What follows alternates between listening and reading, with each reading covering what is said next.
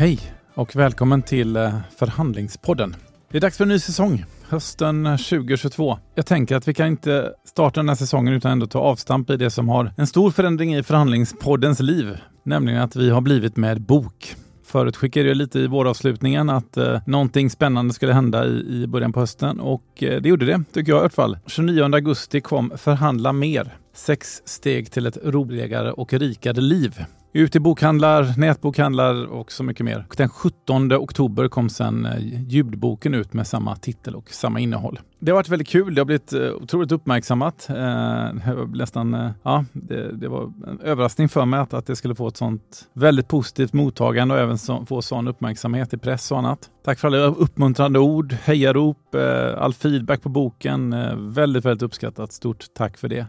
Någonstans är det ni poddlyssnare, ni ska känna er som medförfattare faktiskt. Därför att när podden 125 avsnitt senare så, så blir det en bok och då är ni med och skriver den boken. Så känn er delaktiga. Vi ska ta vårt avstamp inför den här säsongen med ett litet specialavsnitt där vi ska nämligen berätta hur en bok blir till. Och ännu mer konkret, hur blev Förhandla mer till? Vi träffar Karin Alfredsson som är förläggare på Tukan förlag. Jag och Karin kommer ja, från A till Ö egentligen. Från eh, dop till död eller från, från idé till nedläggning. Eh, får se om det någonsin händer, hoppas inte det. Men eh, hur, hur en boks liv ser ut och hur en bok och som sagt mer konkret och hur Förhandla mer blir till. Jag hoppas det ska bli intressant att få komma lite bakom kulisserna på hur det verkligen går till när, när man skriver en bok. Och vi ska också eh, sen i avsnittet, för, för, det är en annan sak som hänt, många kommer till mig, Karl, vad kul, jag vill också skriva en bok. Det ska Karin berätta för, ge lite tips om man vill bli författare. Hur gör man?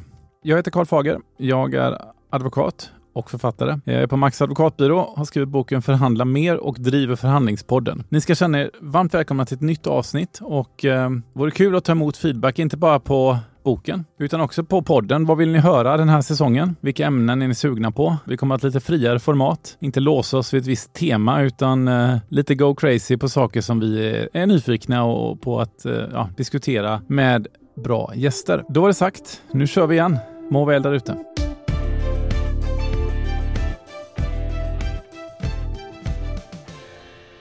Karin Alfredsson, varmt välkommen till Förhandlingspodden. Tack. Om jag är far så är du mor till eh, Förhandla mer. Så det eh, känns eh, kul att vi får prata lite om hur det här barnet eller boken blev till. Ja, men det är väl ändå en konstig säg att få till det där. Hur många böcker har du varit med och fått fram i, i dina dagar? Oj, Ingen aning faktiskt. Det är aldrig någon som har ställt den frågan. Men jag har ju eh, jobbat med detta sedan 1995, så ett eh, antal böcker är det. Hur blir det så? Jag tänker att man blir man fäst vid en bok? Eller liksom, det är ändå en process på kanske ett, ett och ett halvt, två år där du liksom är huvudansvarig. Bygger du en relation eh, till, eller är det bara ett jobb som bara, det bara fladdrar förbi? Nej, men man blir ju absolut engagerad i alla böcker. Det blir man ju. Och det, det, skulle inte vara roligt om man inte blev det. Men sen är det klart att vissa böcker blir ju ens eh, bebisar eh, mer än andra. Man är mamma till alla, mm. men extra mycket mamma till vissa helt enkelt. Så ska det inte vara med barnen, men, men så är det faktiskt. Var kvalar Förhandla mer in i den? Ja, men den, den tycker jag alltid att jag blev extra engagerad i. Ja, det är väl bäst att det svarar så ja. kanske. Något annat då? Vad, vad händer på, i ditt liv just nu? Du, är det mellan bokmässa och julrush eller vad, vad är vi? Nej, men nu är vi väldigt nära in på att eh, vårens böcker ska presenteras för kunderna. Så det är mycket som ska bli klart nu med omslag, eh, säljtexter och ja, allt material ska bli klart till eh, presentationen som blir i början av nästa månad. Tanken är ju nu att vi ska liksom berätta om så här blev boken till. För att någonting ska bli till så måste ju en idé födas. Eh, och det var ju faktiskt när jag träffade din kollega Christian, som jag känner lite sedan tidigare. Vi bara bollade här att okej, okay, jag har den här podden som ni lyssnar på just nu. Eh, och då, där, då, blir som, då finns ett innehåll kring det, en idé. Och den skulle man kunna paketera i en bok. Jag tror att det var för en, tre år sedan och sen för ett och ett halvt år sedan. Ibland joggar jag ju förbi ert kontor nere i Nya Varvet i Göteborg. Det var på väg till jobbet och jag bara kände att nej, men nu, det kom som en ingivelse till mig. Så jag stannade upp och så smsade jag till er och sa, ja men nu är jag redo att köra om ni är redo. Vad hände sen lite? Vad, vad är det som, för det är ju att jag skickar ett sms och säger att jag vill skriva en bok. Ja, det gör ju inte att, det, att ni behöver vara med på det någonstans. Liksom hur, vad händer hos er då? Vad, vad går igång? Ja, här har vi en idé. Hur ser er liksom, prövningsprocess ut? I det här fallet så, så hade du en konkret idé som vi genast bedömde att, att det här tycker vi låter intressant och då fick du den stora äran att träffa oss också. Det är inte alla Är det så? Ja, nej, men vi kan ju inte träffa alla. Vissa nej. idéer ser vi ju direkt att eh, det här kanske är en bra idé men det är inte en bok för oss eller det här tror vi inte alls på. Men det här tyckte vi att det, att det var intressant eh, så att vi ville träffa dig och höra mer. Och då hade vi ett eh, möte, jag för mig att det var under pandemin och att vi hade ett digitalt möte första gången faktiskt. Och du berättade lite mer om din idé. Och vi kände också lite på varandra att, att vi, ja, det kändes som att vi skulle kunna få till ett, ett bra samarbete. Eh, och sen så minns jag att jag bad dig att skriva ner ett synopsis för mycket kan låta bra eh, när någon förklarar det lite löst, men att skriva ett synopsis är också ett första steg till att, till att se om någon faktiskt kan få ner det på papper eller i dator. Precis, och eh, synopsis är för de som inte eh, tar det helt för givet så är det ju egentligen skrev en, en det blev väl en 10-12 sidor där man skriver kanske en sida om varje kapitel. Någon slags ja. grov idé om En innehållsförteckning ja. och lite skisser på, på bokens olika delar. Ja. Sen bad ni mig också skriva ett provkapitel. Ni litade inte på språket kanske? Ja, mm, ja men jag kommer ihåg att uh, två, ja, advokatprosa är ju kanske inte vad man drömmer om som förläggare. Så jag ville ju se att du kunde skriva på ett, uh, ett sätt som skulle fungera i bokform för den breda allmänheten, inte skriva för, för andra advokater och, och jurister. Men det, det var ju inget problem, det kunde du göra. Ja. Och det, det märkte jag ju när jag träffade dig också, hur du uttryckte dig och vad du, vad du ville själv med boken också, att det skulle skulle ju vara en bok som var intressant för många. Precis, och här är vi då framme någonstans i mars-april 2021. Vi tar fram det här synopsiset, eller jag skriver det, skickar in till er, får lite feedback, tar fram en ny version. Liksom, hur går bedömningen till där? Hur sätter ni er ner och liksom, eh, okay, ja, men jag, jag kommer ihåg att du läste att du, du var ju väldigt strukturerad och hade tänkt och hade en, en bra struktur för boken. Eh, och så kommer jag ihåg att vi bollade att, eh, att det var viktigt att få med exempel, mm. mycket exempel, exempel ur, ur ditt liv, ur saker du har varit med om. Dels för att det blir roligare läsning men att det också blir enklare att, att förstå och ta till sig. Eh, men sen tänkte ju du redan då på något som du gjorde genom hela bokarbetet. Hur, hur kan vi göra den här boken intressant för fler? Och, och vi kom ju på att det kan vara kul att ha med lite fler eh, saker. Det ble, kom ju till två bonusavsnitt i boken också. Mm, sen. Precis. Ja, men det är som att köpa sälja fotbollsspelare, det är som att köpa sälja företag. Ja. Och sen det du säger också, de här, att, att ha med konkret så här, när man, hur man förhandlar på resa eller i butik mm. eller löneförhandling. Mm. Det, det, är väl liksom också en av idéerna med boken, att det ska vara för Eftersom alla förhandlar så ska det vara mm. också tillämpligt för alla någonstans. Mm. Men också att du tog med eh, andra exempel i boken också som satte lite färg på den. Jag kommer ihåg att det var något eh, väldigt roligt avsnitt om när du skulle åka till Kina ihop med någon och det gick fel. Men, men det där som mm. faktiskt gör att det blir underhållande läsning också, att det inte blir torrt och tråkigt att läsa. Mm.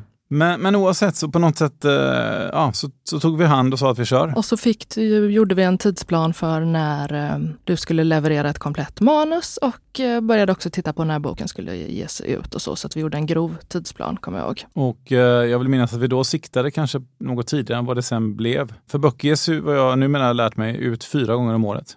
Ja, Ja, det kan man säga. Mm. Eh, vinter, vår, sommar, höst. Som det blev nu så hamnade jag på höstlistan. Höstlistan, ja. precis. Och det var, ju, det var ju medvetet, för först hade vi tänkt lite sommarläsning men sen eh, eh, förstod vi att eh, vi skulle nog kunna få bra press. Mm. För att du var intressant i många sammanhang och då var det dumt att kasta bort den möjligheten under sommaren när de flesta journalister och så har semester. Så att, eh, därför flyttade vi till höstlistan. Så då började jag skriva eh, och där eh, får jag ibland frågan, Karl, eh, du som ja, har, har, lite andra järn i elden också, hur hinner man med? Eh, och, och eh, jag skulle säga att jag, jag tror väl att, att skriver man strukturerat och koncentrerat och framförallt ha ett bra synopsis, alltså att ha en väldigt tydlig idé. Då tyckte jag att egentligen när jag skrev synopsis, det var där jag tänkte. Mm. Resten blev bara produktion. Mm. Man har ju, har jag nu lärt mig oerhört mycket mer dödtid än man, alltså när man reser till och från jobbet, man kanske, eh, jag reser ju en del i mitt arbete. Där finns det liksom väldigt mycket tid att ta. Eller, jag vet att du skrev en del på din semester också. Ja, så, så får man också göra såklart, att man, eftersom jag har ett, ett jobb att sköta så, så får man ju ta andra stulna småstunder. Eh, men det gick faktiskt eh, relativt väl. Så jag, jag skickade in manuset någonstans. Eh, jag fick det efter sommaren, kommer jag ja. ihåg, eh, och läste det. Eh, och tyckte att det var bra och tyckte att det höll. Eh, och att det gick att göra en, en bra intressant bok av det. Jag har för mig att vi bollade lite, att det var några delar till som skulle utvecklas lite, några få ställen där det skulle in lite fler eh, exempel tror jag. Och det, för, precis, en, en, kritik, en bok ska ju vara ganska många tecken. Eh, jag tror vi siktade på i alla fall över 200 000 tecken. Och, ja. och jag tror att jag landade Just någonstans. det, den var lite kort den var lite också. Kort. Så var det med, ja. nu minns Så jag. Mm. jag fick helt enkelt hemläxa av, av dig. att, att göra den lite längre. Och det, det liksom, I mitt DNA ligger ganska djupt, att liksom, och det, det är väl någonting man formas till här på byrån. Man ska inte, inte skriva saker som inte liksom, behövs. Äh. Så där fick jag liksom tänka till verkligen att, att okay, fylla ut, in, inte för sakens skull. Nej. Men, men eh, som du säger, med liksom lite mer exempel och lite mm. mer anekdoter och så vidare mm. så landade det mm. ändå, ändå bra tycker jag. Ja. Mm. Så att vi var klara med, med manus någonstans i oktober tror jag. Ja, och ja. då började nästa steg. Då mm. började eh, textredigeringen och då kom redaktören in Um, Nelly i det här fallet då, och, och läste manuset med lupp och gick igenom varje mening. Jag vred mm. och vände på den, funderade på är det, är det tydligt och är det språkligt korrekt? Eh, finns det upprepningar? Så då är det ju verkligen en, eh, en granskning mm. av texten från första till sista bokstaven. Mm. Och den pågick i, ja men det var väl två månader tror jag. Ja, för där är det ju också att, att där får ju du ta ställning mm, till precis. ändringsförslag och någonstans kanske du behöver skriva till lite och utveckla någonting lite mer och, eller förtydliga och så. Så där är det ju ett bollande mellan författaren och redaktören. Och sen någonstans i början på, på det här året då så, så landar man in i att man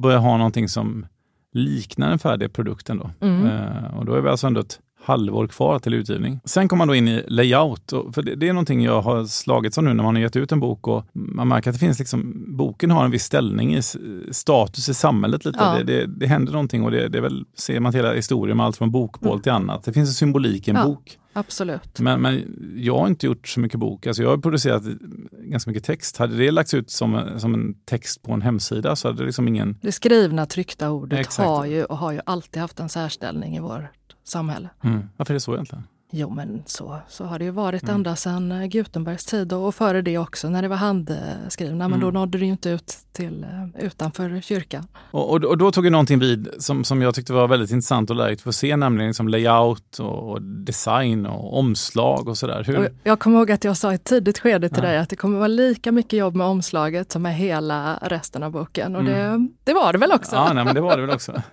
Hur, om vi börjar med layouten av boken, liksom, hur tänker ni där? Hur jobbar ni där? Har ni plockat in någon, någon, någon firma på det eller gör ni det själva? Eller? Ja, men vi anlitar frilansformgivare precis som eh, de flesta förlag gör och, mm.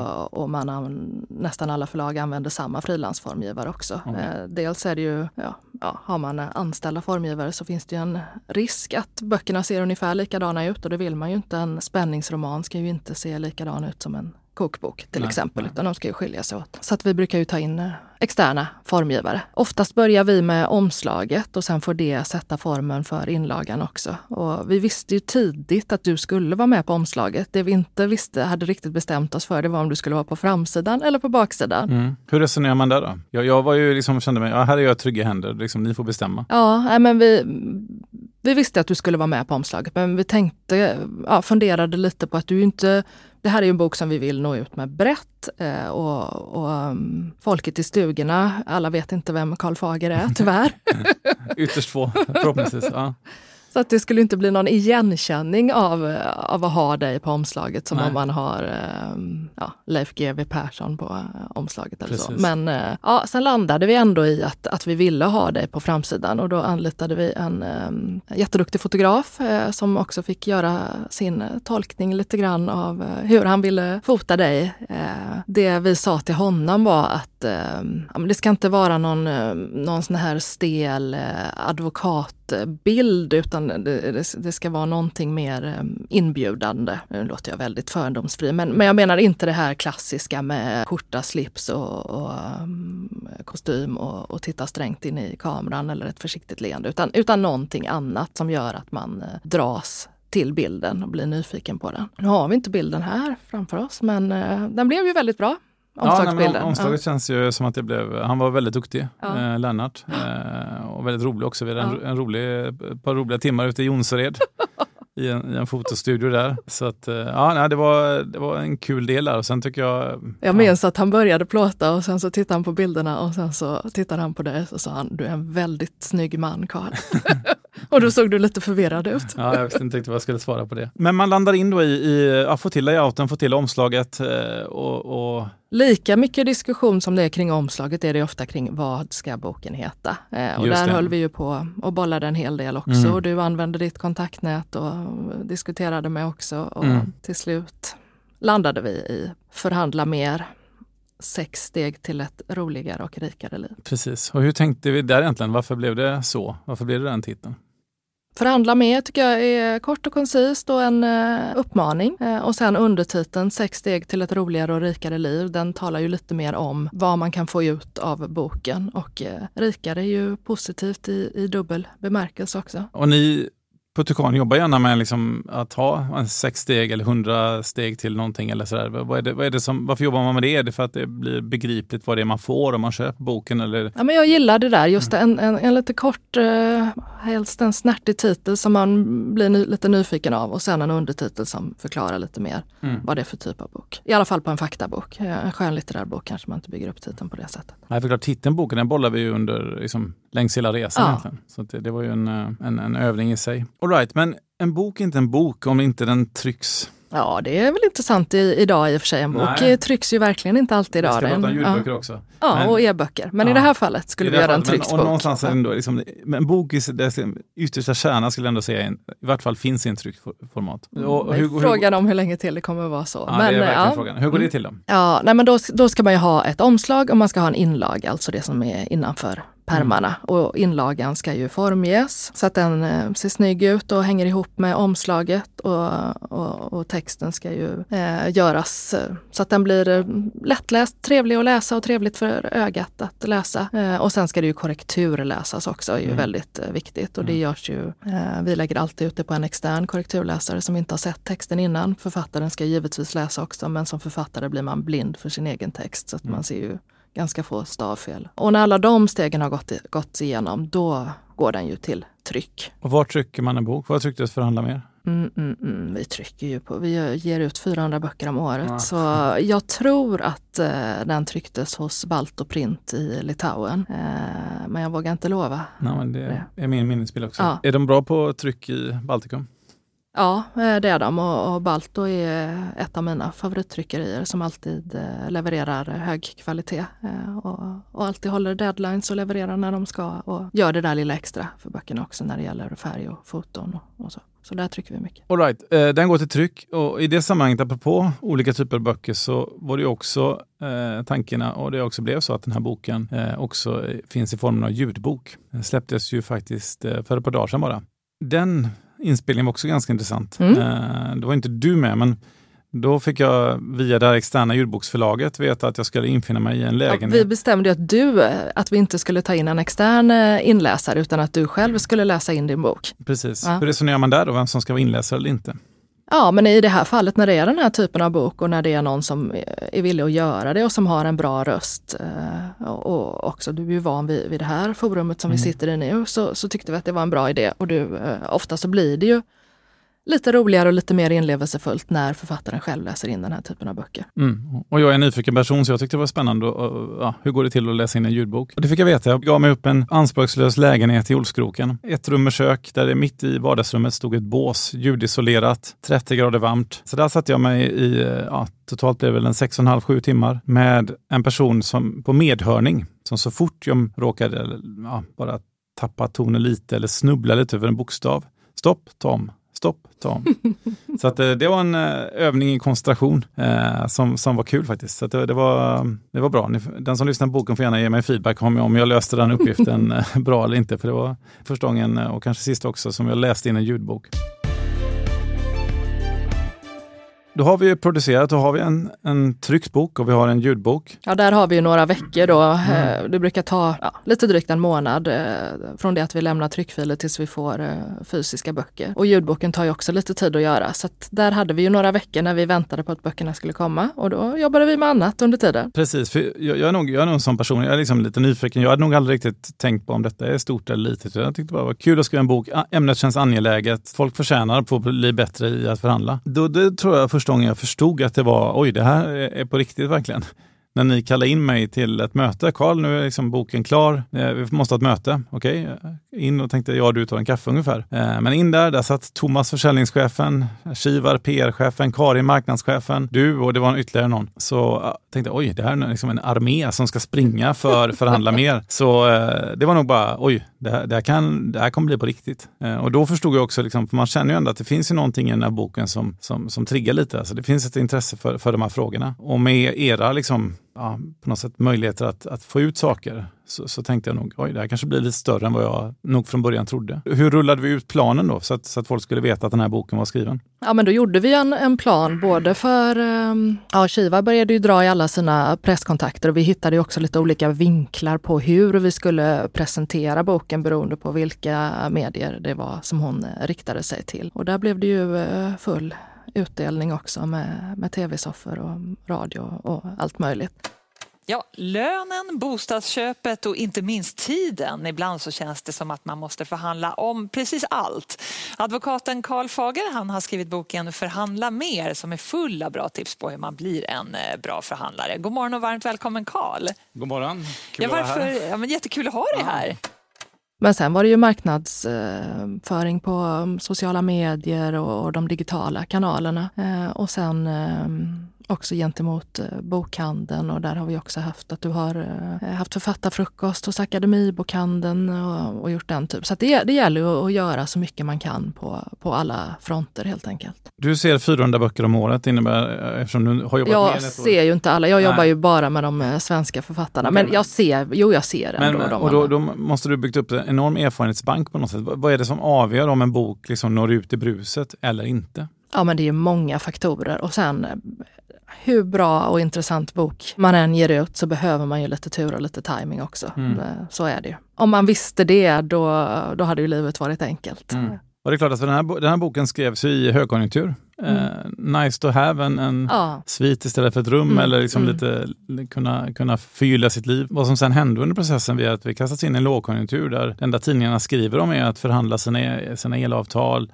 bolån och så vidare. Så att helt plötsligt så liksom är ju detta ja, superhett. Ja, verkligen. Så den tajmingen blev ju, ja, det är tråkigt att, att, det, att det är sämre tider, men, men eh, i det sammanhanget så passade det ju. Och som sagt, som du säger, PR-utdelningen blev ju, jag blev faktiskt lite chockad över det hela. Nästan lite förlägen, liksom två sidor i DI, två sidor i GP, Mix Megapol, åtta minuter i Nyhetsmorgon. Det är ju, eh, ja men Helt otroligt egentligen. Jag, liksom, varför blir det så tror du? Ja, men just utav den anledningen som vi tyckte att boken var intressant också, tror jag. Att, eh, att det är intressant eh, för många. Och, och precis som du säger också, att man förhandlar ju hela tiden i livet. Mm. Man gör ju det. Ofta situationer som man först kanske inte tänker på. Det är ju mm. inte bara i, i arbetslivet som man förhandlar. Verkligen inte. Du, och sen den 29 augusti, då gav sig boken ut. För det var också mm. samma dag som det var artikeln i DI. Så då gick jag på Kungsgatan i Göteborg, gick in på en akademibokhandel och så tittade jag in, så här nästan smygkika in lite. Och så stod boken där i hyllan. Det kändes, mm. då, då från ett sms eh, på en löprunda i eh, februari ett och ett halvt år tidigare. Så mm. att, eh, ja, det, det, det, är en, en kul resa. Så att, ja, tack för att jag fick göra den ihop med er. Sen då, vad händer nu? Eh, nu har vi liksom varit med om en, när en bok föds. När dör en bok? Ja men framförallt nu, vi är ju inte färdiga. Nu Nej. gäller det ju att fortsätta och, och nu, eh, nu gäller det att ha lite uthållighet också. Mm, för mm. att eh, det här... Men hur länge lever en bok då, liksom som du säger? För det ute... Ja, I digital form, som ljudbok och e-bok, så har den ju evigt liv. Men i fysisk form så lever den ju så länge det finns en, en efterfrågan mm. äh, efter den. Det kan ju vara väldigt olika. Den här typen av böcker bör kunna ha ett längre liv, för det är inte en bok som, är, som blir inaktuell eller, eller gammal. Utan, men det är också upp till oss att, att försöka hålla liv i den så länge som möjligt. Och om några år kan vi förhoppningsvis uppdatera den, skriva till ett kapitel och, och göra den eh, aktuell igen och, och ge ut den i ny utgåva. Förhandla mer har evigt liv det kändes betryggande mm. att höra. Du, eh, som ett resultat av det här eh, så har jag liksom fått kommit till samtal med väldigt många människor som har, Karl, vad, vad, vad kul sådär, jag vill också bli författare. Jag vill också skriva en bok. Hur gör man? Och så jag, jag har fått till mig presenterat ganska många olika bokidéer. Då. har den här idén, vad tror du om det? Och, och um, fått säga att jag, ja, men, nog för att jag har skrivit en bok, men jag är, inte, liksom inte, jag är inte förläggare som du. De som kanske lyssnar på det här nu och tänker, ja men jag vill också skriva en bok. Vad, vad har du för tips att ge? Det är lite olika kanske beroende på vad det är för typ av bok man eh, vill skriva. Men, men först det man behöver börja med att göra är ju oftast att kontakta ett förlag och eh, det bästa är ju att titta på vad, vilka förlag ger ut den här typen av böcker. Det bästa är ju att skicka till mig såklart, men mm. annars kan man ju titta så att man kontaktar rätt förlag. Det är ingen idé. Vill man skriva en... Men hur ska man veta det då? Det liksom... Ja, då får man ju gå in och titta och söka ja. på förlag och titta på deras hemsidor och se vad de har för utgivning. För förlagen har lite olika Ja, nischer. de har verkligen um, olika profil och många är ju nischade också. Vi har ju en väldigt bred utgivning men många har ju en, en smalare utgivning eller mer nischad utgivning. Sen beror det på vad det är för typ av bok man vill eh,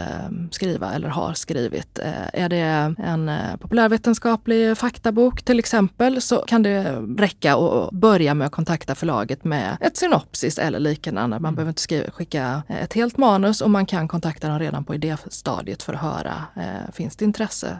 Är det här någonting ni är intresserade av? Eh, och då kanske förlaget är det, man kanske också vill vinkla det på något annat sätt och kan vara bra att få den informationen innan. Men de flesta förlag vill ju se ett mer eller mindre komplett manus. Är det skönlitteratur så vill man ju absolut se ett helt manus. En, en idé kan ju låta hur bra som helst men där handlar det ju om eh, hur man skriver, om man kan skriva och hur, hur man bygger upp sin historia. Men man ska väl gå via ett förlag? Jag tänker alternativet? Ja, det tycker ja. jag ju absolut. Idag går det ju verkligen att ge ut böcker själv men vill man nå ut med en bok så, så behöver man näst, det finns ju några få framgångssagor sådana som har lyckats på egen hand. Men, mm. men eh, det är klart att det är väldigt mycket enklare med ett förlag. Vi kan ju hela, både den redaktionella processen men sen är vi också duktiga på, vi har ju alla kanaler för att nå ut med böcker. Mm, exakt. Något annat man ska tänka på som du säger, som för att liksom, drömmen om författare ska bli sann?